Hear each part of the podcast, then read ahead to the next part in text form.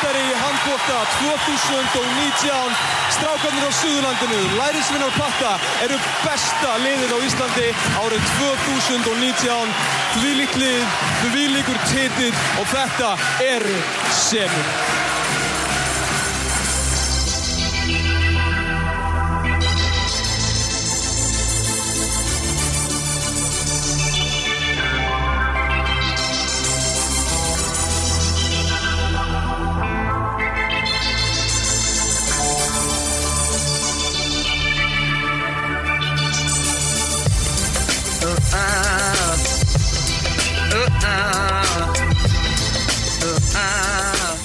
Liz Elfors skráði sig á spjöld sögunar á miðvitaðskvöldi þegar liðið var Íslandsmeistar í handbólta eftir að hafa sigrað úrslita innviði gegn haugum, samanlagt 3-1 Titillin var treyður fyrir framann tróðfulla hlæðslu öll og, og það brutust mikil fagnar læti út þegar lokaflöyti gall í Selfos Íslandsmeistari 2019 og ég er komin hérna með þrjá af nýkrindum Íslandsmeisturum og þetta er tekið upp daginn eftir daginn eftir að, að títlinni vannst. Þannig að hér eru menn eh, ennþá bara það er gleði, mikil gleði hérna í Kaffi Krúsa stúdíun á Selfossi. Þetta er þeir Hergeir Grímsson Nökkvita Nelliðarsson og Grímur Hergesson aðstofumadur Patriks Jóhannssonar. Og að sjálfsögðu fadir Herges strafgar velkomnir í, í Kaffi Krúsa stúdíuið og, og Selfoss podcastið. Takk. Fyrir að fá okkur. Takk fyrir það. Takk Herru, ég ætla að byrja á, á þér Grímur, hvernig, hvernig er svona fyrsti sólurringun eftir að hafa verið Íslandsmeistari, hvernig er hann, hvernig er hann búinn að vera? Hann er búinn að vera góður sko Þetta eru svona tilfinningar sem að svona fyrst var þetta bara eitthvað svona trillingur og gleði og, og hérna allt þetta úlumhæ í, kringum, kringum eftir leikin og, og hérna byggarinn á loft og allt það og svo svona vaknaði maður í morgun og, og þá svona rann þetta upp fyrir manni að herri, þetta var, já við erum svona Íslandsmeistarar og, og síðan er svona dagurinn búinn að vera mjög skemmtilegur. Það er einhvern veginn allir allir hérna, óskamanir til að hafa mikið og allir voru kátir og brósandi og þetta er yndislega tilfinning. Hergeir, getur þú tekið undir orð uh, föðuðins? Já Þetta er gaman. Þetta er mjög gaman. Já, Og Já, þetta er bara já, þetta er gaman Þetta er gaman Það er svo erfitt að líða. Það er svona Hvernig líður þér? Ja, mér líður vel. Mér líður mjög vel Nökkvið, þeir eru vantilega búin að eh, það eru margir búin að koma að tala við ykkur í dag er hérna, hvenær heldur þú verið svona þreytt að, að hérna að mæta fólki, þannig að vilja allir ræða þetta við ykkur bara eðlilega, þið verða að taka þessu svolítið taka þessu svolítið létt Já, ég held að verði aldrei þreytt á að segja að setja Íslandsmeistari Nei. sko. Ég tók við mynd ákvörðun á hann ég fara á soga sko. Seint heim eftir hérna svona, partíið og svona Tók ákvörðun, sko, ég ætla bara að reyna að soga sem minnst Já. Til þess að ég geti svona haldið áfram að finna þessar tilfinningar og ætlaði ekkert niður á jör, jörðina strax sko. Nei. Það er bara eftir helgi sko. þannig að, þannig að þið eru allir sammála því að svona fyrstu fyrsti sólarhingurinn eftir eftir að vunnið titilin sé, sé búin að vera góður Já, ég Grímur, svona aðeins ánum förum í hérna ræðum hennar titil nánar. Þá er, þú varst í þessu umtalaða liðið hérna 92 Eh, ekki, ekki rétt hjá mér? Jú, ég kom hérna 93 reyndar, ég var ekki í, þú varst ekki í þessu ég lið var út í Nóri elfurum 92 já, þannig að þú varst, varst ekki í þessu ég nei, við nei, nei. en fylgist væntalega með því eitthvað? Já, já. Hvernig hérna svona verið svolítið umræðum það hvo- hvort liðið sé betra Patti sagði nú ég veit alveg eftir leikin í gæra með fullur verðingu fyrir því lið þá væri þetta lið bara betra. Er það ekki bara eitthvað til því? Jú, jú, ég hef nú sagt að áður, ég held að það var eitthvað kringum hérna, umfyllunni kringum Evrópakefnina á okkur í vetur. Og, og þá komum sér spurningu upp í ykkur blaði sem að við vorum með að var að vera að gefa út og, og hérna, ég svaraði þá þannig að hérna, liði núna er náttúrulega bara markvallt betra að svo mörgu leiti, þetta er svo ólíkt sko, í dag eru menn náttúrulega þetta, þetta er annar bolti sem er spilaður, það er meira sér búið að breyta reglunum Mhm. það voruð miklu hraðari leikur og sem krefst auðvitað miklu meiri með líkamlegra uh, þátta og, og, og svona físikinn sko, styrkur, snerpa, úthald og það, þetta er alveg hímin og hafan á milli þó að, þó að sínu tíma hafi, hafi það lið verið gott á, á þann mælgvara sem þá var sko.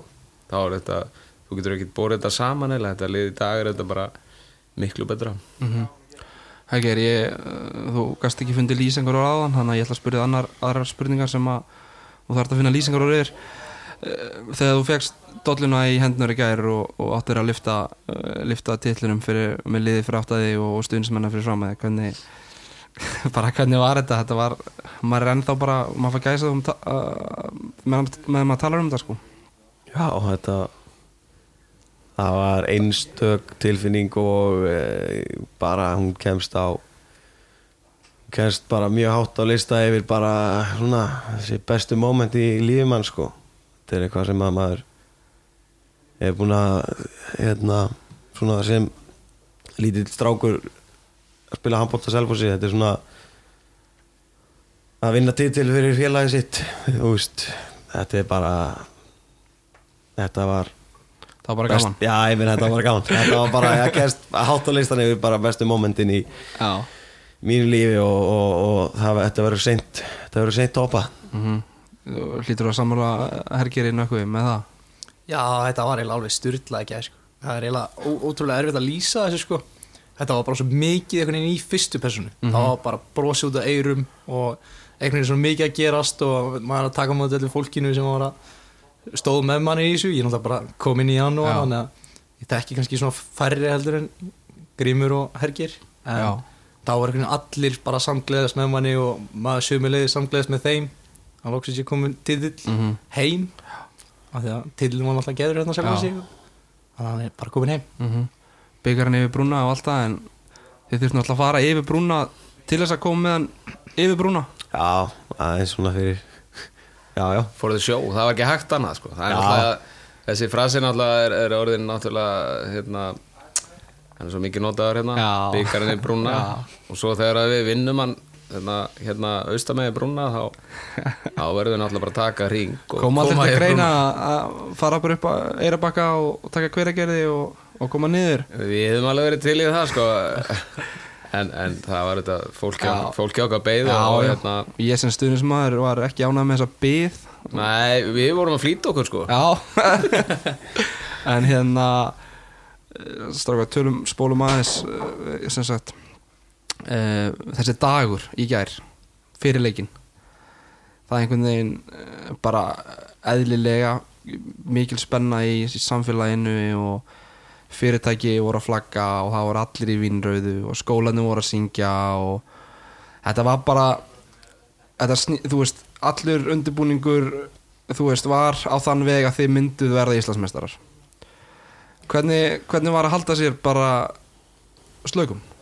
Sko, mér fannst þetta að vera þannig sko, það var mikið verið að segja við manna náttúrulega maður sá þetta náttúrulega mikið á sam, hérna, samfélagsmiðlunum og, og, og líka bara út á götu sko, hver manneskja var í, í selfhúsbúninga og það var búið flagg alls staðar og, og, og það er margir að segja við manna einhvern veginn, hérna á leikdeginum að passa sig að halda sér niður á jörðinni og mér fannst þetta rauninni bara mér fannst þetta allt þetta hype, það má kalla það og allt þetta pep, mér fannst það bara gefa manni svo góða tilfinningu sko að þetta var eiginlega bara ég hugsaði bara að maður fór inn að leik sko að við getum ekki tapað þessu leik sko Nei. Þetta var, það var komið þannig, það var svo mikið pep að það maður bara, þú veist, við erum að fara að vinna hann að leik Já. sko. Já, ég hugsaði alltaf sko, mér finnst best að fara í leiki svona frekar léttur og gladur og þá var einhvern veginn allt í kringum hann svo skemmtilegt og Já. svo auðvelt að koma sér inn í þann gýr Já. þannig að þetta var, þetta var, þetta var bara geggjað dagur sko en þið er ekkert að fara að ljúa því að mér að, að þetta hafi bara verið eins og hverjan leikur Nei, nei, alls ekki sko ég minna, við vorum alveg Já, allavega, ég, ég sjálfur sko var við tókum nú Fann- hana og Já, við tókum góðan kaffibólla og fórum við í kynntum stöðuna. smá stress. Já, já, þetta auðvitað stressaður sko. Þetta er náttúrulega, eins og þú segir þetta er ekki eins og hvernig leikur. Nei. það er Íslandsmeistara það var Íslandsmeistara titill í húfi.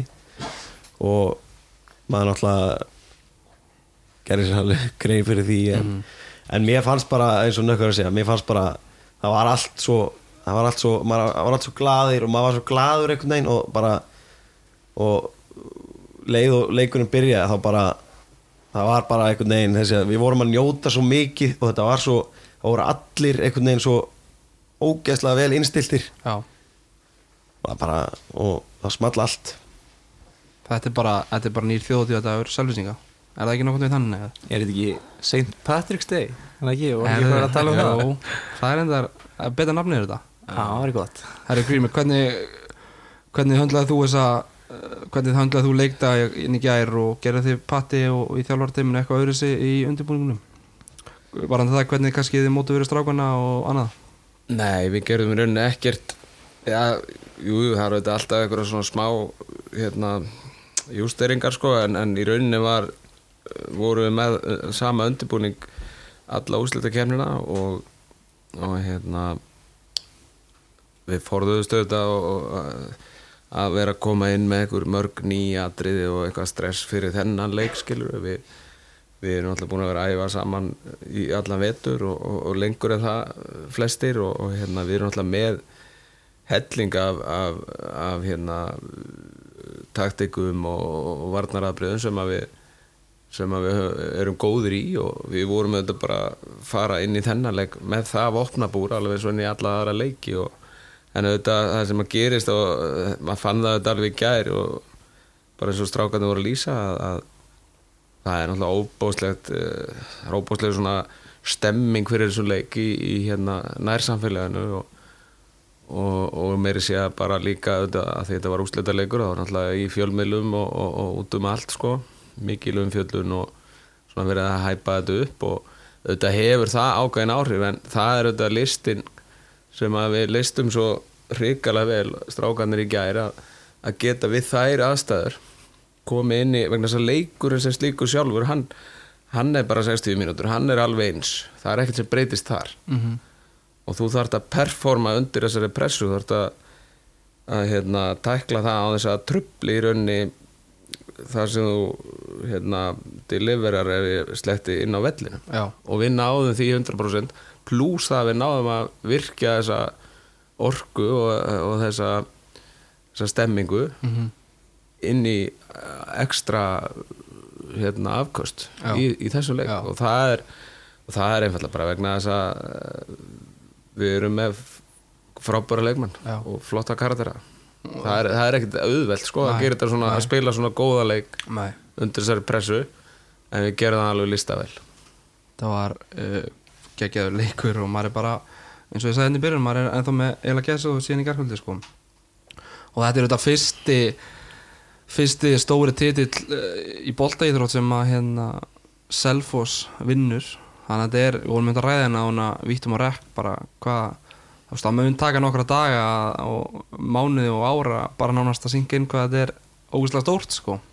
Ég sá eitthvað starf hérna, hérna pappi að eitthvað verið að kíkja á hérna svona stóri titlar sem hann farið loft á Suðurlandinu. En við tökum eigi hérna svona hans í burtu. Já, þá var það síðast lögdælingar Já.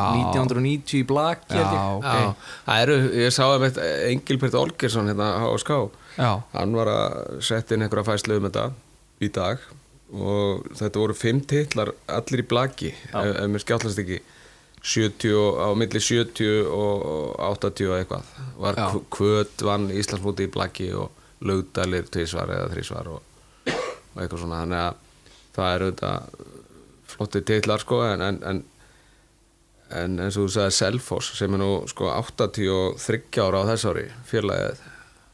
Mhm. það hefur aldrei unnið titil í, í, í hérna, efstu deild í, í boltagreinum. Nei, þannig að þetta er stór já.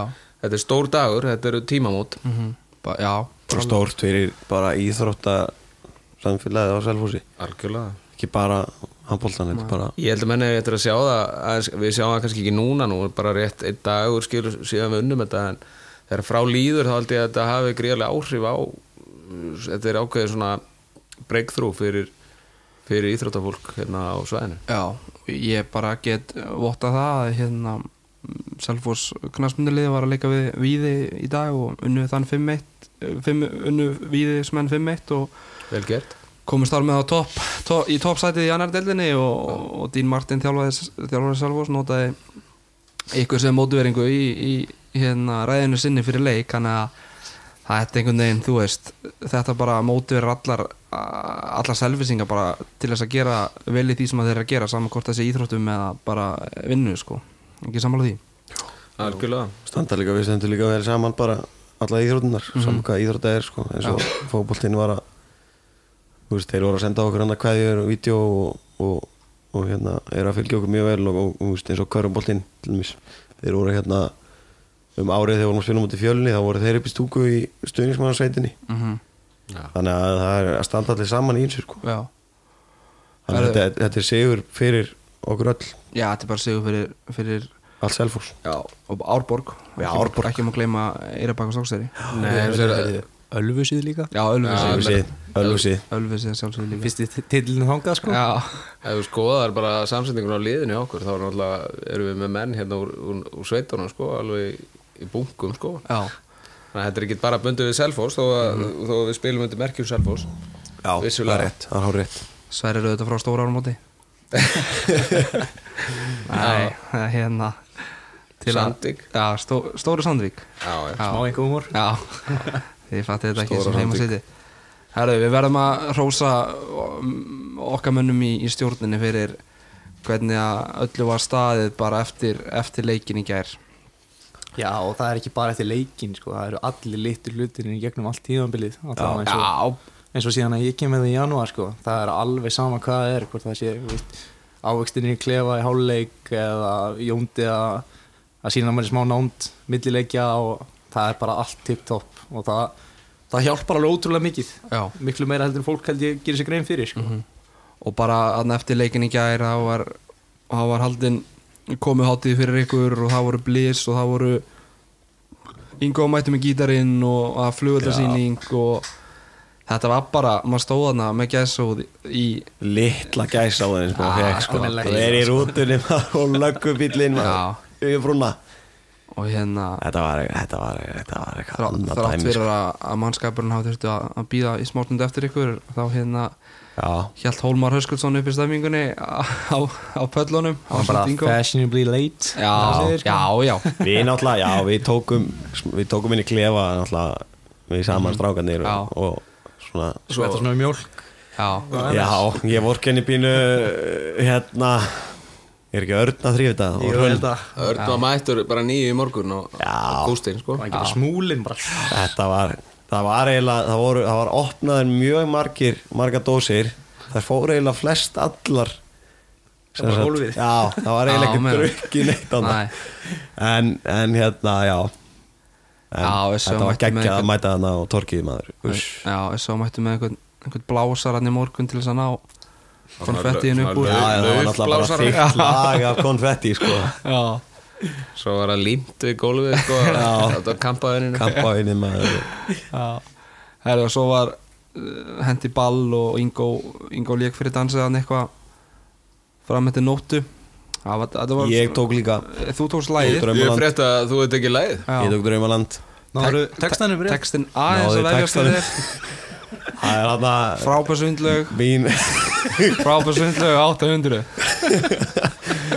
já. geggjusvindlaug og frábærsvindlaug geggjusundlega og gott að vera þar. Þetta var geggja Já. bara uh, svona þægileg stemming gaman að fá heimamann Ingo til þess að stjórna stemmingunni já, já, og hann var bara, þú veist, hann var bara meðan vorum að býja eftir eitthvað skilju, hann var bara að semja einhver lög bara stuðnismann Já, ég frétti það. á staðinum sko. Það frétti það sko þetta var, var bilað sko. Við náttúrulega erum miklir aðdæðandur af hérna, sérstaklega já, hann er reglulega á hérna, það er, það er, já, það er alltaf spilað inn í klefa sko Mhm. þannig að drífa laðist líka stundum fyrir Er, Já, er, drífa. það, er þetta ekki svona nakkalög? mér finnst bara, mér finnst að vera svo ógeðslega svona, hvað segir maður, grípandi, catchy sko, við erum náttúrulega Sérstaklega Argentína. já, búið að segja, við erum krútlið í og þetta er bara svona svolítið krútliðu playlist sem við erum að vinna með Já. Drífa laðist inn og Argentína er náttúrulega bara svona ástalag. Krútlegt, auðmíkt já, svo kemur Nickelback. Já. look at this photograph. Herru, förum við þetta aðeins, aðeins í þettinum já, þá hérna fáið báðir smá stund til þess að til að syngja hvað sem við viljum gera.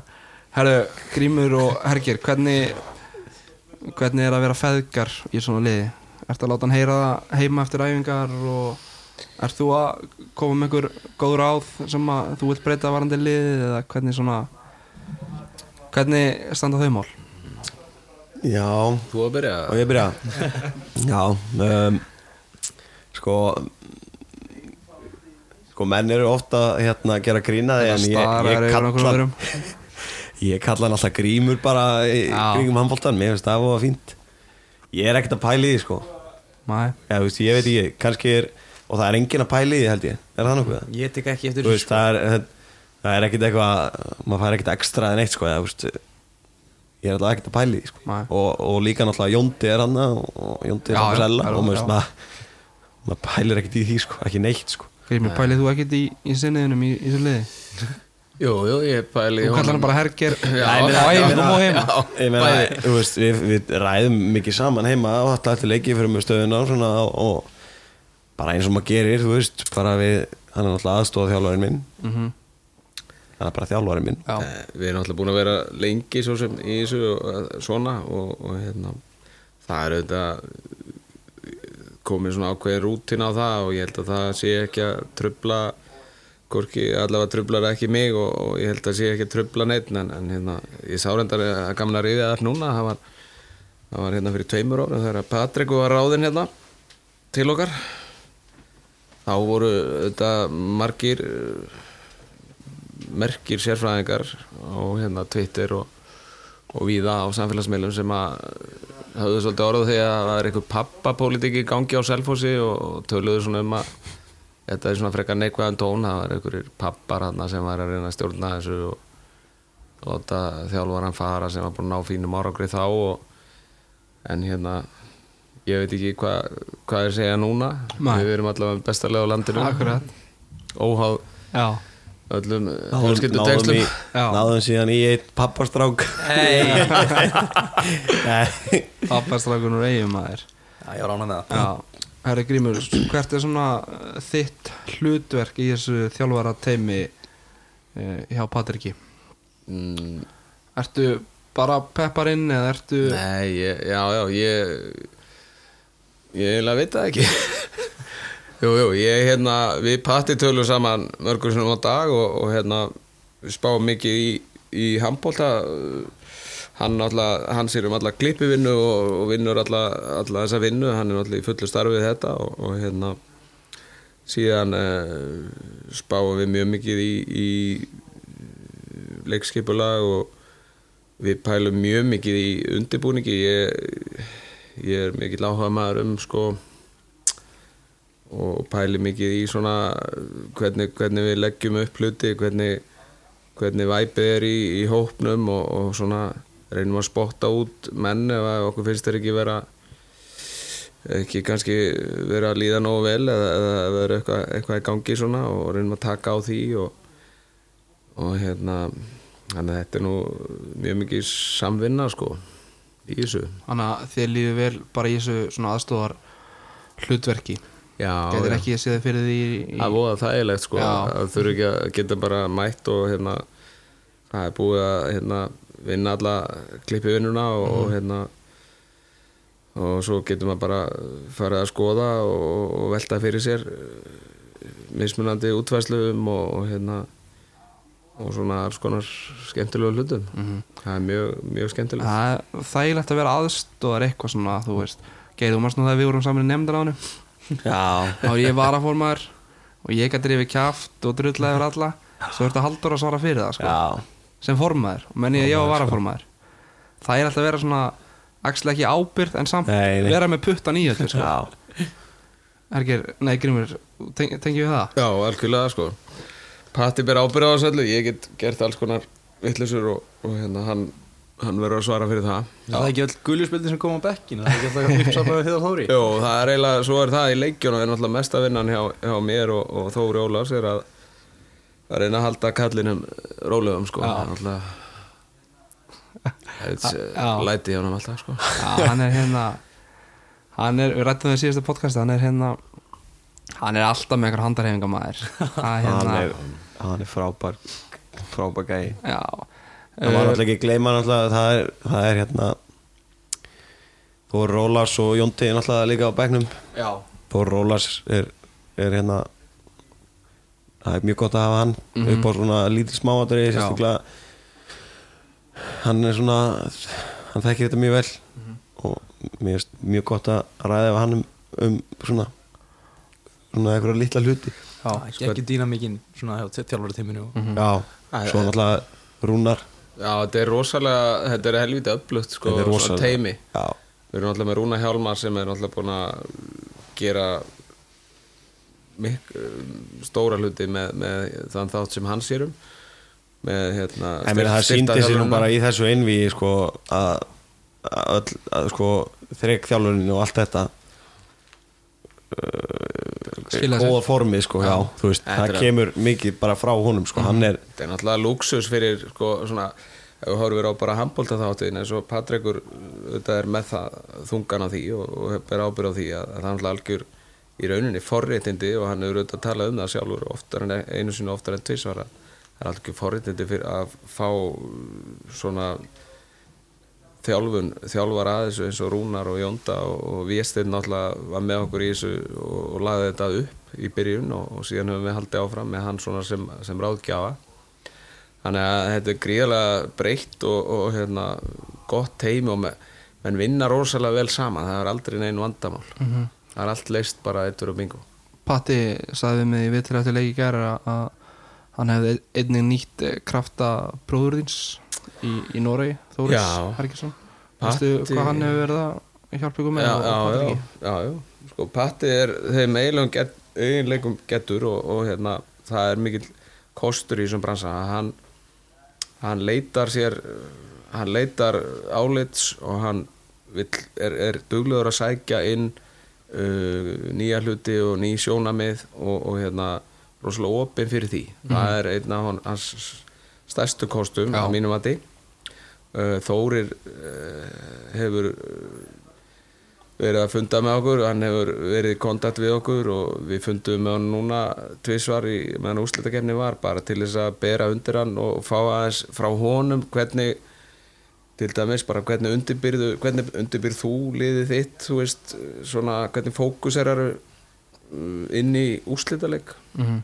inn í leik þar sem þú getur orðið heimsmeistari eða eitthvað og, og hérna þetta eru þetta eru atrið sem skipta opaslega miklu máli og hann, er, hann er náttúrulega reyndur í þessu og, er auðvitað fylgist vel með okkur og er auðvitað bara selfisingur og, og hérna við höfum uh, leitar á það hjá honum og, og notað frá honum alls konar góður ráð sko. Já Nökkvi, hversu fegin ertu að vera að- ekki að fara í óttaleik ásöllum? Ég er heila bara ógeðslega fegin sko Ég er hérna búin að hlaka mikið til að geta að fara í golf sko. Síðan fekk ég það góðu fréttir að geggjuðu fréttir. Já, við fengum geggjaða fréttir í gæra við fáum frýtt á golfvöldin fyrir að vera Íslandsmeistarar. Það er svoleiðis. Já. ég og, Fylgja þessu fullt af það? Já, við geirum vorum bara að plana á morgun í hátliðinu sko. Eru þið búin að fá kort? Ég, það, Við vorum fór snabt þetta á þannig að menn Já, voru á þeir eru að dreifa þessu hérna. Þóru Óla sem er fulla að vasa þessu. Hlynur er, er með ánægð með þetta sko. Hlynur Allt okkar á maður, sko. topp maður. Sjálf hann. Þannig að þið verðið á gólvöllunum eitthvað upp úr háti á föstudag ef fólk vil hitta á okkur á, á, kannski á völlunum ef að vonandi að þetta podcast er koma út þá. En Já. að- já. Ég er reyndar frí í vinnun á morgun. Það er ekki búin að rætta því ég, Nei, en ég meina, já. Við rettum því einhvern veginn. Ég ringi Óla að maður og Já. það rettar sko. Já, Hergir, tímbili búið. Þú getur hérna ofinberað fyrir mig hver voru uh, markminn fyrir tímbili Markmiðin fyrir tímabilin Já, var það ein dolla, var það einhver ákveðin dolla? Var það þessi dolla? Var það byggamestartitill Það er hvað, náttúrulega bara með við í fyrra til dæmis þá sáum við hversu góður við erum. Og þá nættum við í hvað setið eða hvað í dildinni og, og töpuðum hann í óttaleik á móti FH og eitthvað og, og það er náttúrulega bara veist, eftir það þá er náttúrulega bara eina markmið er að vinna bara. Mm markmiðið var náttúrulega að vinna allar dóllunar en þú veist náðum í Íslamverðardeitilinn og ég myndi segja að markmiðinu hefði verið já, náð. Já, þú veist, svona heilt yfir þá bara ekki samanlega ég Markmið var alltaf absolutt að vinna titil og, og hérna, ég held að við, já, rættum já, það við- mark, já, mark, já, vinna Já, titil já, já, já. Vinna, Ég, vinna þú veist- titil, markmiði, já, Já. klálega En auðvitað ætluðum við að vinna á alla. Nei, já, en, en hérna klárlega við fórum allir inn í þetta við vissum alveg, við þurftum ekki að ræða Nei. hvað við verðum að fara að gera. Við ætluðum bara að vera bestir og við ætluðum bara að vinna titil Ég rætti aðeins hérna við pappa eftir að við duttum út í hérna byggarúslitum, hann var alltaf sálfræðingur og ég rætti svona við hann svona hvort að, hvort hann heldi að það kemur eitthvað svona stress yfir menn að þegar við mistum á byggartillinum Mhm. og við svona köstum boltanum svolítið á milli og hann held nú ekki. En mér fannst ég finna það bara á æfingum og, og eftir svolítið að við vorum dotnir út í byggarnum hvað bara, hvað fókusin bara, hann var svona intensified sko. Já. og allir einhvern veginn bara að róa saman mark með og, og mér sýnist það að gengi ágætlega. Já. Ég hef nú rættað við nokkra menn í dag sem að eru svona misfróðir um handbolta sem er að, er að spurja mig hvo- hvort það sé betra ef en íslensmestaratitil en deildamestaratitil Er það ekki alltaf íslensmestaratitil eftir, eftir hérna Náttúrulega stæðsti titilin það er ekkert Já, það, það er stærsti já, titillinn. ja, þú veist. já, Haukar er búin að gera mikið út deildamestaratilinum núna sko. Já, ég meina það má samt ekki vann með þetta deilda með Nei, algjörlega ekki. Og þið voru alltaf bara í sjans fram á síðustu já, umferð. og við vorum alltaf, það var alltaf motivering fannst mér allavega að við mistum hennan deildamestartitil bara þú veist með jafnmörg stig fattur og þetta leðindi í öðru seti betri markatölu eða ekki? Eittir markatölu og fleiri sigir og allt það en þú veist við mistum það og mér varst það bara að vera mótivering fyrir okkur inn í úrslutakemna bara við ætluðum ekki að missa Íslamverðtitilin frá okkur. Við ætlum að vinna og við gerum það. Herri, ég ætla að fara svona létt bara við ætlum að hlaupa yfir þetta. Uh, Fyrsti leikurinn í þessu úrsluta innvi uh, lauk með 22-27 sigri selvisinga Elvar Örn með 6 mörg Hergeir og, og Atli Æfa með 5 og, og Sölvi maður leiksins með uh, 18 bolta varða og gráða tæpa 50% vörslu og, og þessi leikur er auðvitað á ásöllum. Þetta lítur á að kveikt helviti mikið í ykkur að, að, að þetta er svona statement. Fara ásölli, vinna fyrsta fyrsta leikin og eh, erum við ekki svona sammála því að, að að fyrir einvið leit, leit fólk á hauka sem svona favorites, sigurstanglega lið í þessari, í þessu einvið þó að þið hafi ekki gert það skilur Já, en svona hinn, hinn almenni handbólta áhuga maður Grímur? Jú, klárlega Meina, það var náttúrulega bara að tala um það alveg þangað til bara fyrir leikin í gær að, að haugarnir væru það, sérfræðingarnir voru svona mikið að býða eftir því að haugarnir kæmuð meiri breytt heldur en Selfos be- bestu vörnina, bestu markvörsluna og það, það var öllu umræða var svolítið um það að þeir væru nú svona mjög líklegir til að fara að, vera, fara að taka þetta sko. Og þetta fyrir innvið ég veit ekki, mínum hafa það er alltaf ekkert að marka það. Mínum hafa var náttúrulega bara það kom ekkert annað til greina en við vorum allan daginn að fara að vinna þetta einvið hvernig sem það færi.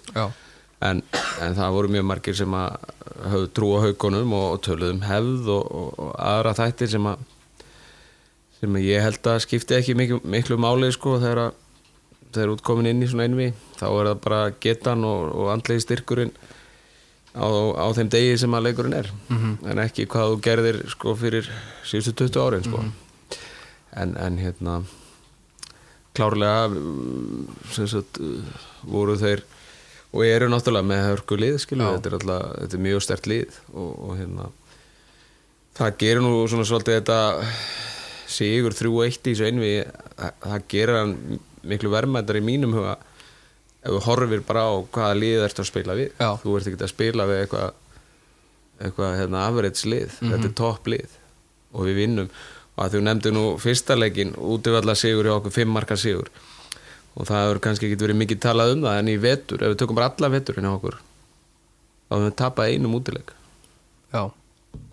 það var ásvöldum í deildinni fyrir jól uh, í november, oktober, lokaða november vorum að koma úr, úr hérna törn í Evropakefninni Elvar ekki með. Elvar var ekki með og, og Guðni var í stúkunni líka og, og voru svona aðeins vangbrotnir en Já. það er eini útileikurinn sem við töpum í öllum keppnánum hérna á Íslandi það þýðir, það þýðir svona 94, rúm 94% sigur hlutvall á útivelli. Já.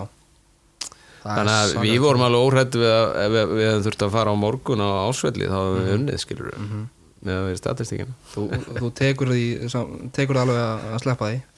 Já, já, við, við erum sætt okkur það. Herðu, leikur 2 í hlæðslöllinni 26-27 haugum með 7 mörg Elvar og, og Nökkvi 5 Sölvi með einhverja 28% vörslu. Haugar jafna einn við og, og, og það ítti svona en, eh, meira undir það að hérna þeir ættu næsta heimaleik og myndu bara fara í gegnum þetta. Fyrst þeir voru múin að jafna einn við og áttu næsta leik heima. En, nei? Já, sko, hérna ef ég má segja hérna aðeins þá fannst mér við við byrjuðum leikin á þessu tens í, í þeim leik. Já, vorum svona ekki alveg líki sjálfum okkur. Vorum svona hérna já, vorum reynda mjög góður í fyriráleik en það var alltaf svona smá tens yfir hópnum. Og ef það voru eitthvað svona lítil mistök gerð þá voru menn svona aðeins að reytast í, svona út í hvernig aðra og verða svona frekar pyrraðir og það var aðalega þar sem við klikkuðum sko. Síðan áttu við röglega bara sögulega lílegan setjumleik Mhm. og við töfum á flautumarki. Að, og mér fannst það sko þóttum við höfum tapað þessu leik og svona, eitthvað var að segja svona pressan komin aftur yfir og okkur að vera að fara hérna ásvelli þá, þá hugsaði ég og mér fannst svona liðið hugsa sko, þóttum sögulega liðlegan setjumleik Mhm. Og við töfum á flautumarki. Já, akkurat. Það, það gaf mér smá mikið, sko. Ólulegu flötumerki Eða hvað? Nei, Nei, þetta var nei, nei, það var bara vel gert hjá Danna sko. Já, tökum ekki á, Nei, á, á ég- danna. En í, í þessu leik fórum við, þetta var eini leikurinn af þessum, hvað, átta leikjum nýju leikjum sem við spilum í úrslækjumninni þetta var eini leikurinn þar sem að og við fundum það held ég allir og, og hérna, eftir að við fórum aðeins út úr eins og nökkuð var að segja, við fórum aðeins út úr fókus. Mhm. fórum aðeins og tens vorum og líka við á, á bekknum og, og það þýtti það að fór, orkan fór aðeins eh, til spillis og, og hérna og það þýtti það á móti svona góðu liði að þú tapar. Já. Leikur þrjú Ásöllum 30-32 eftir framlengingu Allæg var gjáðslega magnaður þeim leik með 10, 10 mörg úr 11 tilhjörnum 11-6 og Hergi 5 Uh, Sölvi með uh, 14 skot varinn og endar í 54% vörslu. Pavel uh, með 7 skot varinn og, og 30% Þetta var bara svona enn, enn meira statement að koma aftur Já, og vinna ásöllum Já, þetta er hérna raunni við, þetta er ekki í fyrsta skipti í vetur eða á þessu tímabili þar sem við hefum verið undir og unnið upp. Við erum, við erum góðir í því. Við erum vel þjálfaðir í því, við erum gert það oft. Lið fólksins segja sem við erum lið fólksins, við erum svolítið að gera þetta fyrir sjónarbyggði Nei, þú veist, hvað vorum við, fimm mörgum undir eða eitthvað á tímyndur eftir? Já, þú veist eh, gefumst aldrei upp. Nei, mér fannst líka- það, en mér fannst samt bara þú veist mér fannst ég aldrei í leiknum einhvern veginn við vorum aldrei að pæla einhvern veginn ég var aldrei, ég allavega sjálfur, ég var aldrei að pæla hvað staðan væri sko. ég Nei. einhvern veginn bara svo allt einu voru, svo var jaft einhvern veginn og ég bara svona þú veist, þetta var svona já, að ég veit ekki, svolítið skrítið sko ég var ekkert að, Mhm. Fannst ég leiti eiginlega bara upp á töfluna bara hann að þegar voru búin að jafna, þá bara ok, það er jaft þú veist, þetta var svona Já. Mér finnst við líka sína styrka okkar í því sko hvað hérna, þú veist, veist, skiptir ekki máli hvaða dagur er það eru svona tíu leikmenn sem geta átt stóruleik þessum leik var það allir ævar sem var bara geggjaður. Og síðan í næsta leik var hann alltaf elva sem að kláraði það, við fyrir út í það en Mhm. það, það getur, veist, við erum með tíu leikmenn sem geta alltaf bara klára leikinu på sitt einstæmi og sýnir svolítið svona einstaklingsgæði og, og, og, og svo náttúrulega þessi, þessi, rútína að koma tilbaka sem við elskum sko. já. Allega var sagði vittil eftir leikin að hann væri svona leðilegurinn í liðinu Er hann alveg hundleðilegur eða? Nei, ég, hérna, ég held stundum sko hann er bara geggjaður henni klefanum sko en ég held stundum að það sem parkett óþól að þegar við finnum að keppa þá, hérna þá elskar hann að, að hérna, pyrra anstæðingin sko Já, hann er, þetta er geggjaði gaur að hafa í Hann liðinu sínu Já. En örgulega ekki eitthvað mjög skemmtilegt að að spila mót Nei, hann orðaði það vel, hérna, ég myndi ekki vilja spila á móti sjálfur Já, sko. já, sagði það já, ég held að hann hafi verið að meina Já. Hann er, frá, hann er frábær samt, liðsmaður sko. Frábær í klefanum sko. Mhm. mjög góður sko. Herðu og svo leikur leikjana í hlænsluöllinni leikur fjögur uh, 35-25 Elvar settu plugvallarsýningu Alexander góður líka uh, 5 mörg og 5 skotum átnisteyð fjögur Sölvi með 11, 11 skot varinn og 32% vörslu haugarnir voru bara búnir á, á líkam og sál fyrir hennar leiki gær. Búnir að spila fleiri leikin því í úslakefninni heldur að það hafi mikil áhrif grímur? Já, sko, ég, það hefur örglega áhrif og við, við mertum það, sagt, fundum það á, í, í leik, uh, leik þrjú á ásvöldum að uh, þeir voru, það var svona dróð svolítið af þeim, það var hans af þeim dreigið þegar við erum fimm mörgum undir og komum og, og jöfnum og, og hérna, menn sáu það bara líka, sást bara á þeim, skilur. Uh, auðvitað hefur það eitthvað að segja en, en en hérna samt sem áður að þá þetta náttúrulega að vera menn í toppform og þeir eru náttúrulega með tölvöld já meiri breytt heldur en við út í það er farið Mhm. en við, að því þú ert að tala um sko, við erum alltaf að fókusera á sko þú, þú talar um mörkin og allt þetta. Eh, það er nú þannig að, að ég lít svo á að við höfum unni leikin í gæra á, á frábærum varnarleik. Já, mögnuðum. Og ef þú ferð inn á HB Stats og skoðar að því ég, nefndi það áðan sko að fer aðeins í mig þegar sérfræðingarnir er að tala um bestu vörnina valsararnir voru með bestu vörnina þegar við mættum þeim, það var að tala um besta vörnina á móti bestu Grótt á einhverju tímpúnda tímbilinu Já, já, akkurat, akkurat. Svo fórum við að mæta haugum og þá voru haugarnir með bestu vörnina.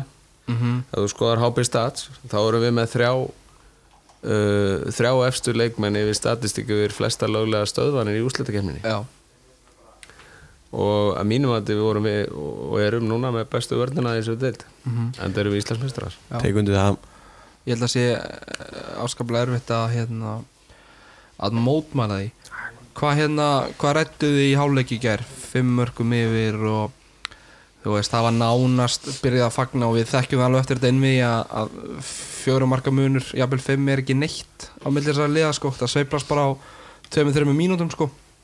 Þú veist, voru allir bara á, á jörðinni ennþá eða var var patti, þú veist bara hvernig var þetta, skilur það var, það var rosa mikill fókusin í klefanum Já, við vorum alveg, vorum alveg staðránir í því að við ætluðum að, að, að gera statement sko, strax í setnáleik og koma inn að miklum krafti og ég held að við höfum gert það nokkuð vel sko. það voru allir, allir tilbúinir hérna, að leggja líf og sáli í alla hana fyrstu tíu myndunar og síðan við sjá hvernig veðrið væri eftir það sko.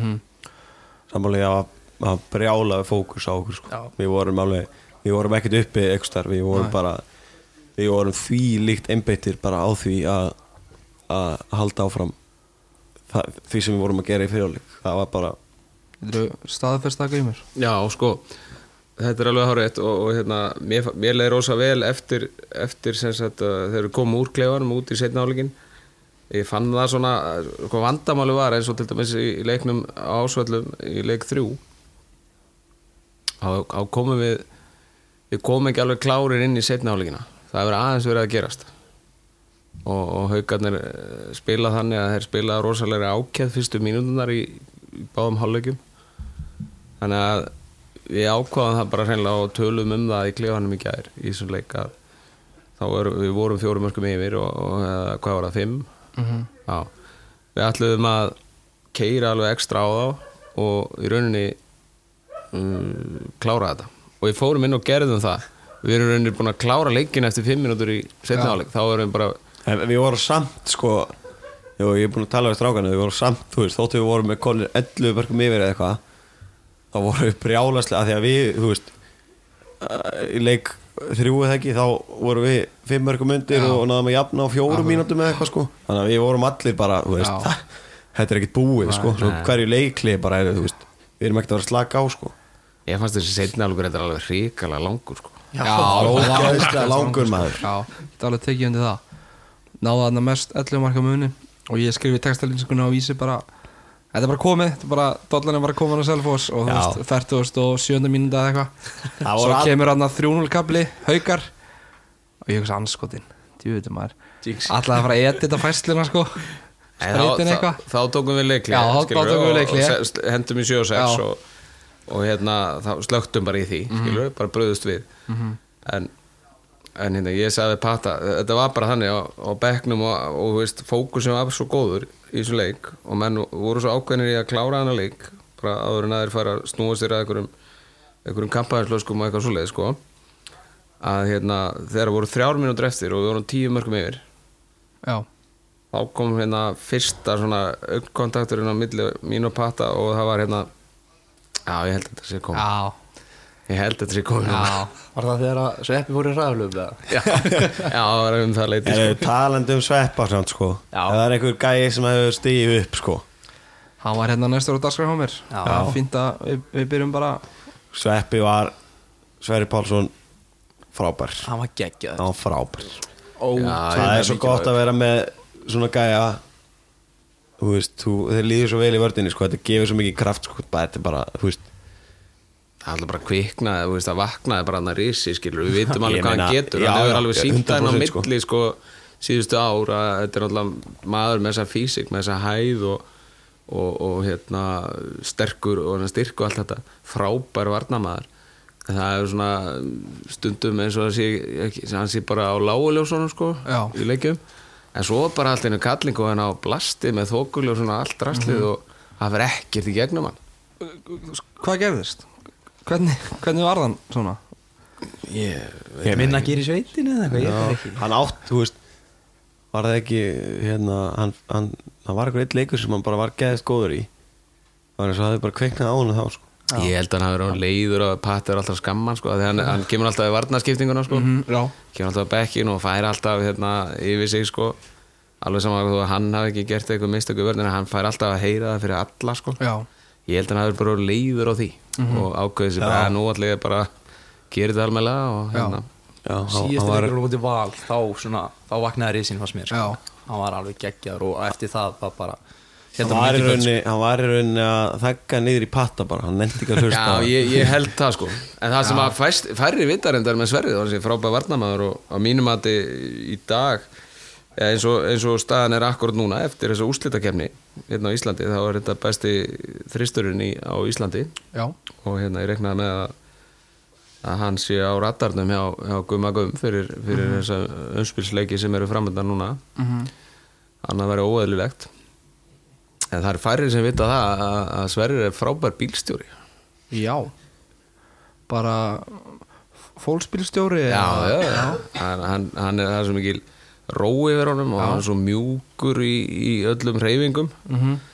alveg unnaslegt að vera í bíl með honum. Já, það er gaman að heyra. Já, ég er svona að koma með smá punta svona sem að Fyrst ekki að allir vita sko. Þá ætla ég að fá að taka hérna kvóta sveppa aðeins. Já. Að ég opna að heyra að hérna að síðustu tíðanbili hérna á svepp, svona sambandi á sveppa og patta hefur verið svolítið skemmtilegt. Þeir hafa verið að patti hefur verið að kveiki í honum með því að með því að hann peninga og hann myndi spila vel sko. Og eftir leikin í gær þá kom sveppi þegar hann að vinna þetta á svona aðeins ólega þá, þá sagði sveppi patti skulda með pening. Já, sko, Patti, það var hérna í fyrra, þá böðan hann, sko, þá sagði hann við hann fyrir eitthvað leikin, ok, þú, þú spilar og maður, sko, þá, þá býðir á þjóðatíð. og, og Sverri náttúrulega spilaði svo engill hann leik og Patti stóð við sitt og böði hann á þjóðatíð. Í alvörunni? Já, þetta er ekki ekki Nú, saman nú, hérna, nú kom það, ég nenni ekkert að vera að bjóða hann á þjóðatíð, maður. Ég, ég sagði bara hann, þú gerir þetta og maður, þá, þá bara borgaði pening. En strákar Einar Sverris kom hérna fyrir stuttu síðan í podcast og hann hérna svolítið að tala um að, að fjósa lyktin færi ekkert vel í alla í hófnum hvernig er svona hver er ykkar, er teika á það? við geirir erum, mjög nálættur Já, sko. við mér og við hliðina mér sko. Já, En ég, ég Ég ekkert að orðið- túta, ég fíla lyktina Já, ég hef ekkert orðið mikið varfið sko, en, En allir er allir með ekki sáttu með þetta? Allir er alltaf, já. Allir er í allir föður hlutverki Já, já allir er svolítið að alla sverrir Já. upp sko. hann til dæmis tók hann á hann er búin að taka hann á á línumanna námskeið að þeir tókan hann eftir hann klikkaði til þessar hann. Ásvöldum, já. Já, þeir voru En ekki þú sátt sáu að það í gær, það skilaði sér það. skilaði sér í hraðablöfinu. Falleg stund. Mjög Já. gott. Ég held að það ekki færi af ko Þetta var eitthvað sakalega sem ég sé sko. Sá líka bara hvað hann snöggur sko. Já, það var svakalegt. Með þessar lungu skanga sko. Já, ekki Það fyrst við erum farin að ræða svona einstakar leikmenn þá komistu ekki hjá því að ræða uh, markvörsluna í já, kannski aðeins úrslenmi og svo jafnvel bara úrslakeppninni í heilsinni Sölvi Ólafsson er maður sem hefur stíð upp. Það er bara einfalt, einfalt mál, Hergir Já, já, já, 100% uh, Við náttúrulega, þú veist Við vitum alveg hvað Við, við við vitum alveg hvað Bæði hann og Pavel geta gert sko. Þú veist Þeir eru náttúrulega kannski ekki búin að ná sér mikið og Náðu sér kannski ekki alveg á strik í deildinni Allavega í einhverjum leikjum sko og svona Voru mikið gaggrindir En það það verður að setja strikin í reikningin Að við erum að spila þannig vörn Já, að þetta er erfitt fyrir markmenn sko. Veist, við erum að spila framalega og það er mikið af svona mörkum þar sem að er svona veist það sem að er verið að brjóta gæjanum og hann svona næra að skjóta einhvern veginn. Það er einhver markmann að það væri erfiðast skotin að verja. Já, þannig að, þannig að en sko Sölvi mér finnst líka bara svona hvað segir maður svona væpið eða eitthvað. Já. hann er búin að vera geðveikt góður á æfingum aðeins og örugur sko. Og bara hann er svona já, hann, þú veist, maður fann það bara á sérstaklega á öllum æfingum bara tjöfull er erfitt að skora á hann já, Við vorum að ræða það einmitt í dag sko að, hérna, að hann væri alveg kandidat í að vera í ykkur svona hérna, undirbúnislandsliðum eftir, eftir þessa frammeðstöðu sko. já, Já. 100% sko. ég meina það sást bara hvað hann getur gert sko, og veist, þetta var ekkit þetta var ekki einhver heppni eða eitthvað svona sko. Nei, og hann var bara að geta fullt af boltum mhm, Já, frá alveg verið skiptum sko. já, ég meina það er ekkert grín að verja hérna 130 km að danna sko, og Adam Sko Sölvi, þetta er ef að sko setnibilgjan er hægt sko akkurat Það er miklu sérfræðingar og, og skemmtileg og frábæri þetta og, en sko þetta, Sölvi er náttúrulega með sokk ársins. Já, Algjörlega. bara 100% Gjössanlega sko nýjaháa sokka þversum upp í kjaftina á öllum þessu sérfræðingum. Já, Það er búið að vera í rauninni, hann er búin að þurfa að sitja undir og þessi markmenn okkar í vetur oft á tíðum með einhverju svona nýðurlegandi umfjöllurum að þeir geti ekki raskat og, ég er mitt, hérna- mitt hitti sjálfa í sportbæ um daginn. Að kaupa fleiri sokka Kaupa sokka. búin að meila þetta. Nei, en þetta er, þetta er Sölvi er náttúrulega búin að vaksa alveg gríðarlega eins og strákunar er að segja sem eh, hérna, bara karakter og í, búin að vinna rosa vel í sínum sko fókus og, og, og nálgun á leikin og, og, og svona mindsetinu í undirbúninum og í leikjónum sjálfum það er alltaf fanta góða markmaður en hann er búin að vera að vaksa í rauninni núna setni hluta deildarinnar frá því í svona februar fljótlega eftir að við byrjum eftir eftir fríið. Og þá var hann, hann var farin að verja nokkuð vel og var búin að hækka sér verulega í prósentu síðustur leikina í, í deildinni. Síðan kemur hann inn í úslutakefnina alveg ríkalega góðan fókus og sko, allar æfingar og, og í leikjónum svo, svo dettur hann þann niður í núlmarkvæslu þarna í setni hálfleiknum hérna heima í leiknum sem við töpu en það er náttúrulega líka og, og, og hann kemur aftur skilur, hann finnur aftur fókusin, hann finnur aftur hérna staðin sinn í, í hausnum og við erum eins og eins og hérna en það var einmitt sá hálfleikur sem að var sem sagt, versti hálfleikurinn varnarlega í reyfi já, Já. já, og það er náttúrulega skýrast til líka í veist, þetta tengist bóðu ekki saman markvæsla og, og varnarleikur. Já, það náðist ekki alveg til sérfæðingarna sko. að Nei, Nei, taka vörnin okkar fyrir leður taka markmennuna sko. Hefur einhvern tímann einhver verið að tala um vörninu hjá okkur? Já, ég veit það ekki sko. það segja stundum frábær vörni á akkurat. En hún er samt aldrei nógu góða því við erum ekki nógu stórir og þungir til að vera svona gamaldags varnatrökkar. Það er alltaf einhvern veginn viðmiðið sko. Akkurat. En, en handbólti er, er hérna eh, þannig í þrótt að það er hægt að spila hana ímsa vegu og, og hérna það er hægt að vera góður í vörn á þess að vera 120 kíló og 2 og 10 Nökkur, hvernig er þú búin að taka þínu hlutverki hjá Selfoss eftir þú komst inn í janúar? Eh, Kannski ekkert með flesta mínútunar en, en búin að fá mikið rós og umdal bara fyrir Já, fólk vil bara ekki hugsa út í það ef þú hefur ekki komið og, og Einar Söðresson með sín meðsli og, og allt það, ertu sáttu með svona þína stöðu? Já, þetta er búið að vera alveg, alveg geggja sko. kom heim í janúar og, og ég kom svona fyrst inn bara með svolítið opnum hug ég er svona pabbi náttúrulega sálfræðingur þannig ég var svona að reyna að finna út svona dýnamikinn í hópnum og, og ég þekkti nú nokkra strákarna fyrir en, og ég var svona að reyna svona, eh, finna mitt svona hlutverk innan liðsins. Mhm. og ég er bara ógislega sáttu með mitt hlutverk sko. það er svolítið öðruvísi heldur en að það hefur verið. Það er núna svolítið svona að gera ekki mistök og halda boltanum á floti og svona vega upp á móti veikleika hinna strákana.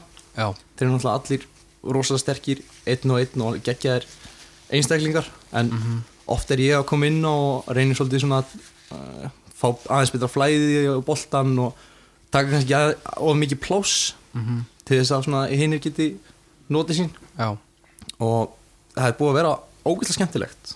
Og og uh, ég veit ekki hvað ég get meira sagt sko. Þetta, þetta er bara svona er skaman að takast á við ný, nýjar áskorunir. Mhm. og þetta var áskorun, bara helviti verðu á- áskorun Mhm. koma inn í já, flesta stöður á vellinum og vonandi hef ég skilað því sem að ég átt að skila þegar ég var fengið hérna í januar já Fyrst að Grímur er fann að tala um sokka þá uh, ert þú nú búin að trúa smá sokk líka og nú einhverjir, einhverjir tvítarar sem að vildu meina það að þú sko, ég- ættir aldrei heima í, í topp 5 liði á að top 8 topp 8 liði Ég skildi, ég, sko, ég fattaði aldrei, ég náði aldrei að skilja þá umræðu, sko, af því að ég hef spilað á mótinu eitthvað mjög oft. Við erum náttúrulega jafn gamlir og spilum mótu kröðurum þegar hann var í IBF. Spilum mjög oft mótu kröðurum þegar við vorum yngri. Þannig að ég, ég var, þegar að ég frétti að hann var að koma á Selfoss, ég var þvílíkt sáttur af því ég vissi alveg, ég vissi alveg hvað nökk, hversu góðu nökku væri, sko. Já, og mér komur ekkert óvart, kemur ekkert óvart það sem hann er búin að gera fyrir liði sko. Já, ég var kannski svona hérna, stór fiskur í líli tjörn þegar þegar ég var í gróttu. Já, og þá, þá var ég svona í hlutverkinu að vera svolítið svona veist, alfa og tók mikið Já. til mín og var mikið veist, kannski í 50-60 ára sem ég leik. Mhm, en það breytist aðeins núna og mér varst þetta, þetta hérna, þessi áskorun og mér varst hún ógislega skemmtileg. Já, og menn eru alltaf að tala um mínútur og vera hérna, byrjanleismæður og, og hvað það er mikilvægt en mhm, mér finnst eiginlega bara mikilvægast að maður geti svona contributa því sem maður á að contributa til þess að liðurinn gangi vel sko. Þú segir þessi áskorun var rosalega skemmtileg Þú ert ekkert að fara Nei, það er rosa Já, skemmtilega er tíma rosa vilja bara búið og Já. maður fann að hugsa út í gólfið og svona Grímur, ánægð með nökkva? Já, gríðlánaður og hérna, það var eiginlega þetta var aldrei svona haptræðsvinningu fyrir okkur að, fá hann þetta er alltaf ég, ég þarf ekki að tala um það, hann er bara búin að sína það sjálfur og það sjáðu allir hvað hann getur í, í handbólta og hérna, fjölhæfu leikmaður ólíkur, eins og hann segir svolítið sjálfur ólíkur hérna og- okkar hérna hinum úti leikmennunum hjá okkur. Að mörguleiti getur leist margar stöður mikill keppnismæður okkur, það hjálpa okkur líka að fá hann inn með það element sko hann hérna hann er, er ágæði í honum og, og hann er fylgin sér og, og hérna hann var eiginlega hann var svona pústli sem okkur svolítið vantaði og, og hérna smallin í þetta Mhm. og skila gríðarlega góðri vinnu og hérna það er bara gaman að, að hérna, fylgjast með honum áfram að, með okkur Mhm. hann er eiginlega orðin einn af varð með fljótt svona einn af þessum hópi sem er búin að vera saman lengi og Akkurat. smallin í þetta Já, ég sá nú fallið tweet hérna, það var eitthvað hérna ég, ég, ég blokkaði Twitter sko hérna er úsleikir sem byrjaði ég vil ekki vera Var það ráð frá föðinum eða? Nei, ég hérna fæ svolítið svona að stjórna þessu sjálfur þó að hann gefur mér svona nokkuð tips en, en mér finnst hérna ekkit of, of gott að vera að fylgjast með umræðinni þá er Nei. maður kannski of hátt uppið það gengur vel og of látt niður eða það gengur illa Mhm. en ég kíkti á Twitter í gæður og, og þar var eitthvað hérna sem að sagði ég eftir leik 2 eða eitthvað á móti haugum eða eitthvað sem að hérna sem sagði svona fallið orð hérna, mér líður eins og nökku sér uppalinn á, á pulsuvagninum. Og hafði haldið fermingaveistinu sína í vallaskóla og Þetta var Már Ingólfur. Já, var það máli Þetta er geggja tvít sko. Það ég, svona, ég fekk alveg bara svona hroll, leiði vel með þetta sko. Már hefur fengið, fengið like frá nökkva. Já, ég lækaði ekki að Já. sko En það má kannski í, í framhaldi af þessu maður náttúrulega sko yngum að nökkva þarna með áramótin náttúrulega hún, hún öðlaðist tvöfald vægi þegar að eina sverðir sér henni dettur út með, með sín meðsli og, og uh, nö, þá í rauninni fær nökki nökkvi svona aukið hlut, miklu starra hlutverk og, og leisti það alveg snilda vel og eins og allir sáum Já Herru, við erum ekkert að fara að ræða alla leikmennina eitthvað sérstaklega en þú veist, bara eins og við vitum allir allir ólinn í þessu Átni Steitgækka er í vörninni og, og Alexander og Guðjón flottir í hægra hotninu báðir og Guðni og allir náður línunni og Nökku og Hergir flotti líka Nökk og Hergeir og Já, svo er hann það- Haugur og- Haukur og Elli voru fínir líka. Já, já, þetta er, þetta er allt fínir drengir. Já. En sko, það, það er náttúrulega ástæða fyrir að við vinnum þetta ekki að því að við erum með einhvern einn góðan leikmann eða, eða einn efnilegan eitthvað slíkt heldur er það vegna þess að við erum með frábært lið. Og það er það sem að Patti og nú verið að reyna að benda á það, er þetta mjög mikið fjallað um Elvar og, og Haug sem eru náttúrulega frábæri leikmenn. En, en þetta er nú liðsýþrótt og, og hérna við erum með frábæra frábæra samsetning á karakterum og, og frábæra leikmenn í rauninni öllum stöðum. Mm Við komum aðeins inn á áðan varðandi að þetta myndi jafnvel opna landsliðsglugga fyrir einhverja, einhverja leikmenn. Gummi Gummi var nú á, á leiknum í gær og ég meina hann, hann hlýtur að, horfa svolítið til ykkar þegar hann er að velja, velja þessa næstu æfinga hópa grímur, er, er, það annað væri bara óæðilegt Já, já, eflaust sko, ég veit ekki hvað gumm er að spá en við erum allavega með, með hérna, frábært lið og, og hérna, fullt af góða leikmenn og við erum allavega með leikmennin í landslýsóknum, það er allavega í stóru hlutverki á núna í janúar og út í Þýskalandi og hérna Haugur var þar líka þó að hann hafði ekki kannski fengið einn stórt hlutverk en Jóndi líka. Jóndi náttúrulega, já. en það er að sjálfs, sjálfsögðu hann er að mæta þessa leiki til að fylgjast með mönnum mm -hmm. og það er allir séns ef að hérna, er að spila vel, það er ekki spurning. Það lítur allavega að vera að sko Þetta verður erfiðar að vera næst að velja hópin Já, Þessi þetta, þetta spila með sko okkar spe, eða, húst, það, það mun vera erfiðar fyrir hann að að- mm Já, Að það er, velja hópinn. það er lúksusvandamál fyrir, fyrir landslistjálfara nákvæmlega. þannig að svo bara spurning hvað ákvörunar hann tekur. Hergir, þessi, þessi vinstri hótnamannstað, hún er vel mönnuð í, í landsliðinu. Já, Það er Guðjón Valur ekki að fara að kalla gott eða? nei, alls ekki. Ég vil að Guðjón spila til 50 sko. Já. Hann, og, og hérna og Bjarki náttúrulega. Selfisingur Bjarki, já. Ekki. Senda hann ekki kveðið á okkur fyrir leik? Jó, Bjarki, jó. Bjarki er minn, minn uppáðsleikmaður í þessu landslið það er ekki spurning. Og hérna, já, en ég er ekkert nú ég er nú ekkert búið mikið að pæla í landsliðinu sko, Mæ ég er svona bara að reyna að, hérna ég er að reyna svona bara að taka þessa hotnamannastöðu svona og ég er að það að læra margt. Úff, þessi svör Hergir sko. Þessi klísi svör. Njóta Auðvitað meðan að er og auðvitað ertu að hugsa um landslið. Ah, ég meina, þú veist ég hérna ég, eins og ég segi ég er, og- ég er að ég er bara að hérna, reyna að læra og, og, og það er Leggja ekkert langt síðan það er ekkert langt síðan ég byrjaði að spila í hotninu sko. Er eina klísi viðbót. Hvað með eina klísi viðbót? Uh, maður tekur bara þú dag einu já, bara eitt Herðu, hérna Við erum búin að spjalla heil lengi. Hvað er að búin að spila lengi? Ég veit það ekki. Allt og lengi. Það var skemmtilega Sex- Já, þetta er bara mjög 63 gott. mínútur. Já, já, 60 ára mínútur. Við- Æ, ég meina við gætum korter. Já. já, gæt, já, nákvæmlega. En herru, við erum ekkert alveg hætti sko. Nei, það er alltaf læg, gaman. Það hérna það var eftir að koma brandarakefni Já, það er eitthvað. Hún er hérna í- aðeins í lokin. Það kemur tímabil eftir þetta tímabil Stráka mínir. Og það hefst í það gerir það. Það eftir september Eða eða ekki, september, oktober Hvað svo leiðis Já, er þetta ekki bara að byrja núna? Byrjaði núna í júni bara. Já, byrja, já, já, já. En hérna Senda á rúnar í, í gær Bara hérna, hvort að við ætlum ekki að lifta á morgun Og Já. við erum strax farin að pæla í kálfaprógrami fyrir sumarannar Já, sko. Sumarið. Ég var endur að funda með Rúnar áður að hann, hann sagði, heyrðu, við verðum að byrja á morgun. Ég, sp- ég sagði, "Æ, er ekki lega að byrja á mánudaginn? Nei, eiginlega ekki. Sko ef ég á að segja alveg eins og er þá uh, er ég ekki uh, neitt að pæla í næsta sísóni það kemur, ég veit alveg, það kemur sko. Ég mun byrja að pæla í því en ég ætla ekki og mér langar ekki að pæla í því núna. Mér langar að njóta mér er einhverja að ljóta Þá skal þess sko að bara vera draga þess í hliðna næstu fimm mínútur. Og það er ætlum að ræða aðeins næsta tímum Nei, við þurfum aðeins að ræða svona mál máluna og það er auðvitað þessi þjálfaramál. Patrik Jónsson Nei, uh, Patrik Jónsson lætur af störfum, kemur aftur með sömu greiðslu, aðeins eldri. Já, Já, sagði það ekki, Já, það það sagði mig gær sko. uh, Hvernig svona hvernig líður ykkur með þetta? Er þetta að hafa ykkur áhrif á okkur að, að veit ekki hver er að stýra ykkur næsta tímabil?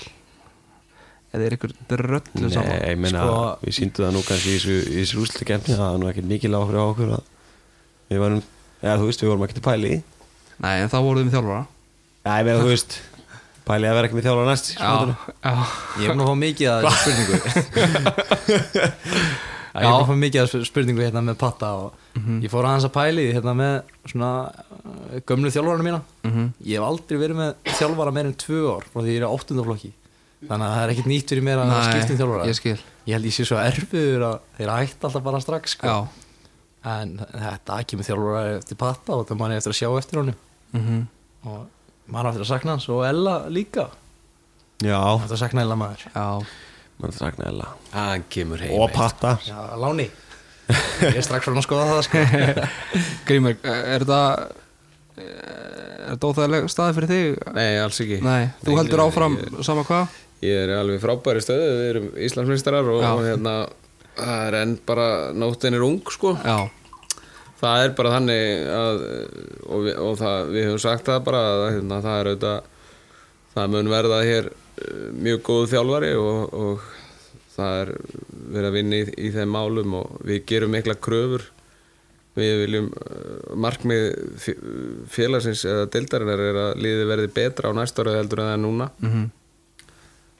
Og ég hann kannski gaman á alltaf að segja frá því að það er ekkert lindamál að með þessum sigri okkar og, í gær að þá öðlumst við rétt til uh, keppni í, í meistaradeildinni. Já, það er svoleiðis og uh, það er dálítið challenge sko. Nú stöndum við fram með fyrir því að, að hérna, taka ákvörðinu það hvort við tökum það sæti sem væri stórt skref fyrir íslenskan handbólta ef að íslenskt félagslið uh, tækið hans lag mm Hvað hafið þið langan tíma til þess að við höfum til Ákveða 5. júni og þetta er uh, mál sem við þetta, þurfum að ræða við leikmennina og það er einslegt sem það er að skoða í kringu þetta en í öllu falli þá, þá munum við keppa ef við tökum ekki meistaradeildina þá tökum við EHF keppnina.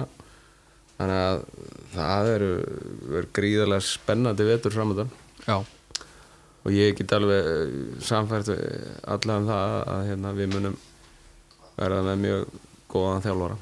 Mm Pata fara og Ella fara eins og þið komuð aðeins inn á uh, Það er oft talað um að, að það komi maður í mannstað um, Elvar eru þetta bara valinn besti leikmaður Íslands. Eða var það úrstakefnan í gær kannski bara? Já. Já, ekki, ekki Íslands mótsins. Nei. Það er ekki búið að velja það. Nei, en hann er svona já, favorite þar líklega. Það ekki. Já, já, mínum að þið, besti leikmann til þennar mm Þetta er svolítið stórt skarð að fylla. Já, 100% En þú veist Klísja Já, nei, sko, við getum bara bak, bökkum um eitt Já, bökkum eitt ár, nákvæmlega, ég ætlaði mér að vorum vera með langmarkaðasta mann deildarinnar Teit, Teit Örn Einarsson Já. stór skittu Það losnuðu bara 20 skot í leik, sko. Já, Já, Bara hver takir sér 20 skot? Elli að tók við öll ég bara á sig. Teitur fór Teitur fer til, til Svíþjóðar og, og hérna við erum betri núna heldur en við vorum í fyrra. Það, þó að við höfum mist hann mannin sem gerði 20 og eitthvað prósent af, af mörkunum okkar eða 30 prósent eða hvað mm skilur þannig að það, það, er, það er rosalega hættulegt að fara að hugsa um að ef einhver eitt leikmaður fer það er alltaf í öllum liðum einhverja breytingar á milli tímabila og þú færði aldrei annan elvar sko. við fáum ekkert einhvern finnum aldrei neitt leikmann einstæðar í heiminum sem að kemur bara og gerir nákvæmlega það sem hann er að gera fyrir okkur Mhm. En það eru svona jústeringar við þetta bara fáum auðvitað leikmenn við erum að fá inn hérna, unga leikmenn sem að eftir að þróast og, og þetta verða auðvitað bara breyttar áherslur og svo losna náttúrulega bara hana, 15 eða 18 skoti leik fyrir, fyrir nökkva og, og fleiri. Þannig að þú veist, já. það, það er í rauninni ekkert að, jú, það væri náttúrulega í hennum frábæra heimi þá, þá væri Elvar áfram hjá okkur endalust Mhm. og allir skilur en þetta eru bræðilega breytingar að það má ekki gleyma því að hann er svo eini sem að liggur fyrir að, að muni fara frá okkur Mhm. og þá eru nú ja, einhverju 13 allavega sem voru skýslu gæri eftir Já, að við skulum ekki hafa miklar ágjur af því Nei. Við erum strax farin sko, að skoða hérna, við erum alltaf í miðjubolta Já. svona, Tveir og tvo Mhm. og L er alltaf með mér í liði Já. Þannig að ég er strax farin að auglýsa eftir nýjum leikmanni þar sko. hérna, Já, Já, það er sem sagt Það er stórt skar Er það að taka við umsóknum sem sagt eh, frá með deginum í dag eða? Já, eftir helgi. Já, það helgina sko. Miðjubolta. Já, Þá erum við hann í ring það er, þú veist, þessi ringur í miðunni mm. og við setjum bekk á línuna og svo erum við með fótbolta mm. svona fótbolta Skallatennis. Skallatennis. Já, ok. Og svona ákveðna regl, við erum með svona ákveðna reglur sko, að, búin að búa til reglubók og, og svona Þegar þið farið hringin hann á henni byrjuð uppbytun Þú að tala her ekki það? Já, það er misjamt sko. Hef svona oft pælt í þessu. Hver, Um, hvert tekur orðið sko? Já, þetta, þetta er í rauninni ekki þetta er í rauninni bara svona hálfgerð hefð. Við, ég, ég hérna mér fannst svona sniðið að taka þetta upp hérna gerum þetta alltaf á miðjunni.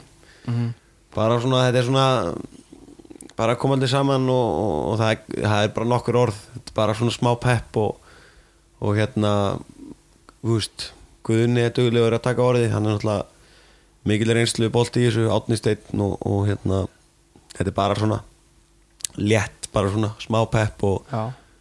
farið við létta stöðu bara, fá góða uppbyndun og, og Já, að þú vilt segja eitthvað og segir það já, þetta, er- þetta er bara rauninni opin, opin. Og menn Það er Svona, svona þetta- open mic. Já, þéttir mönnum saman. Sko. Já, við bara gott svona það er alltaf gott að vera með eitthvað svona Ég, ég er sann sko, mér finnst ringurinn alltaf mjög flottur. Mér síðan elska ég líka alltaf eftir ringin Þá er allir að klappa bossan sko. Já, Það gefur Ó, hérna já. þéttir mönnum saman sko. Já, Mér finnst mjög tákrænt að sjá hringin á Selfoss-merkinu sko.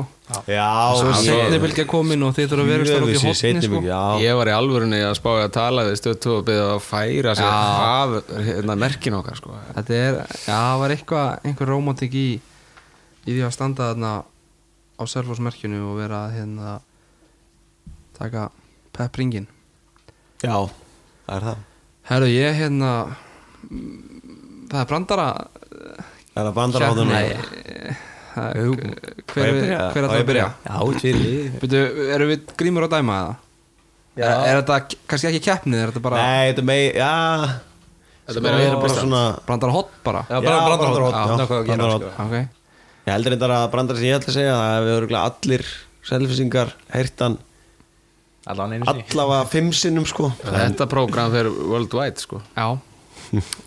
Gáðum við ekki. Það var einu sinni Já, það var maður sem sagt Bresku maður sem að fór, var bandarækjani fyrst geti. Og hann hérna Hann líka til bandarækjana og hérna Týnist Eða, Hann finnur ekki hótelið og, og hérna og lendir í sokkavesinni og hann uh, endar á því að þurfa bara að gista í svona svörtu húsasundi bara hjá okkur ruslunu hann og, og hann hérna hann sopnar og svo er hann vakinu nóttina af, af svona stórum og drungalegu manni og maðurinn segir við hann Did you come here to die? og þá sagði breytin Nei, I came here yesterday.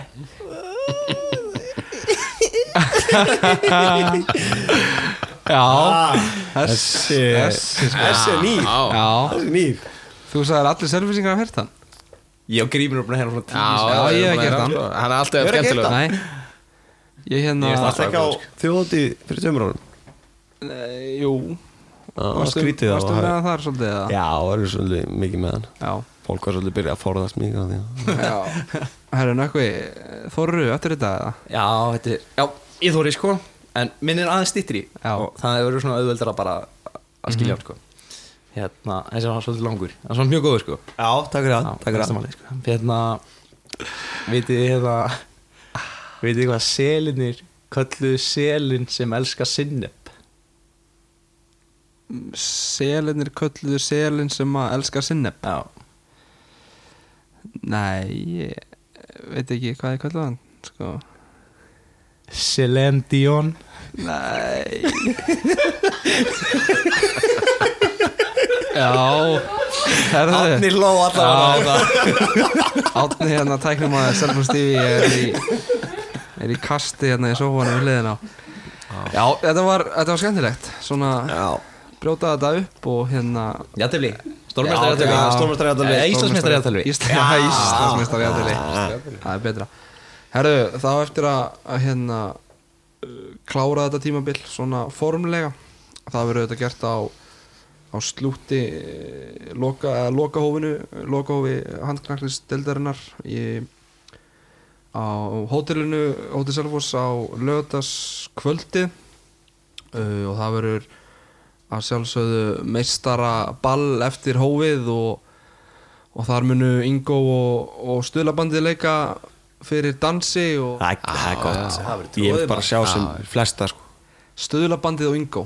Úst, væri, er, hægt að finna eitthvað betra að læna upp á loka á uh, handtrækst þetta Selfoss? Nei, stuðlabandi er náttúrulega legendary sko. Já.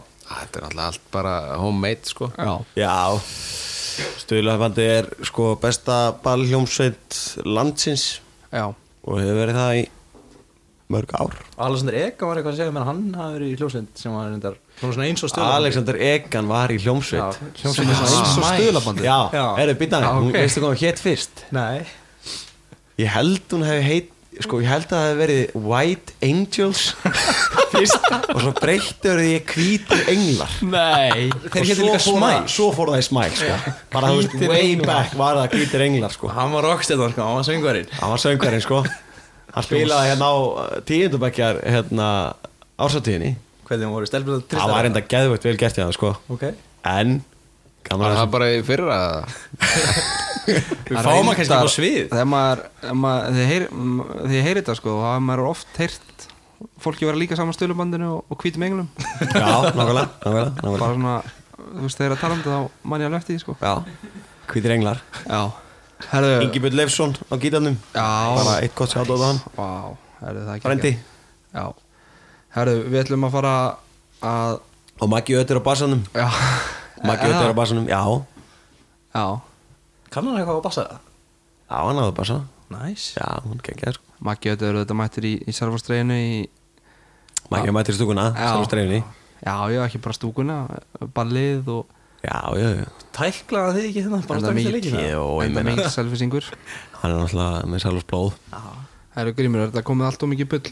Nei, nei, nei, ég er bara ánægð með þetta. Ég, ég sóna bara út og, og hérna með Grímur er nú, hann er nú mikill tónlistamæður sjálfur Já, líka. Já. hann Já, mikið lóskap spilar á píanóið og harmonikuna Sko, Já, já, takk að þið fyrir að og koma gerir þessa það, gerir það mjög vel. Já. Þannig að það er spurning hvort við fáum Grím til að taka eitt solo á, á logoðinu Já, það er bara það er að skoða það. Það væri ekki ekki leðilegt sko. Patti var endar að stinga upp að við tækjum atriði sko. Já, Hvað var það, San Marino hann í Eurovision? Já, Þetta var, sköllóti já, kallir hann. sem söng ekki.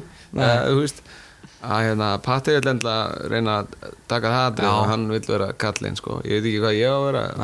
Eitthvað það góð verið dansarinn það Já, ég geti verið það. Þið sjáu þetta allt kæri hlustendur á lögutaskvöldi á Hotel Selfoss. Já, Loka hóf knaspinu deildarinnar Mætum til þennar Mætum og fögnum Íslands meistaratitlinum sem verður að sjálfsögðu á staðnum Grímur Hergesson Nökkutan Ellaðarsson og Hergi Grímsson. Ég þakka ykkur innilega fyrir komuna Má ég fá að gefa eitt sjátt á þetta? Já. Árum við klárum þetta. Bara Ég bara endilega. sjátt á Richard Sæður Já, Búm Nýja Sjálandi. Já. Sögnum hans. Já. Ég veit hann að hlusta, hann er alltaf fyrstur að hlusta á þetta sko. Ok. En hérna að spurning hvort hann klári sko. Ég veit um nokkur sem að byrja skilur og kannski alltaf hlusta á þetta þegar þeir eru að fara að sofa eða eitthvað sko. Já. En út af því þetta er að koma eftir örugglega einn og hálfan tíma skilur í podcastinu. Já. Þannig að þú er Já. Held, er, það, er það svona, er ekki allir Jó, alvöru selfisíkar hlusta á sko. þetta er, ég er alltaf búin að taka hann er alvöru. Söklu Richards hvað hva lagi vandi þetta á? Nickelback. Já.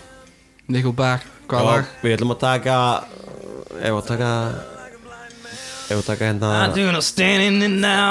ef við ekki taka This is how you remind me of Það er þetta hérna. Já, það er, það er gott. Remind me, já Lokum við á uh, Nickelback uh, uh, This is how you remember. Remind me. Já, remind me, já. remind me já. Það er strákar, takk fyrir komin á enn og aftur til Hamingju með Íslands meistara titilin Takk fyrir. Takk hella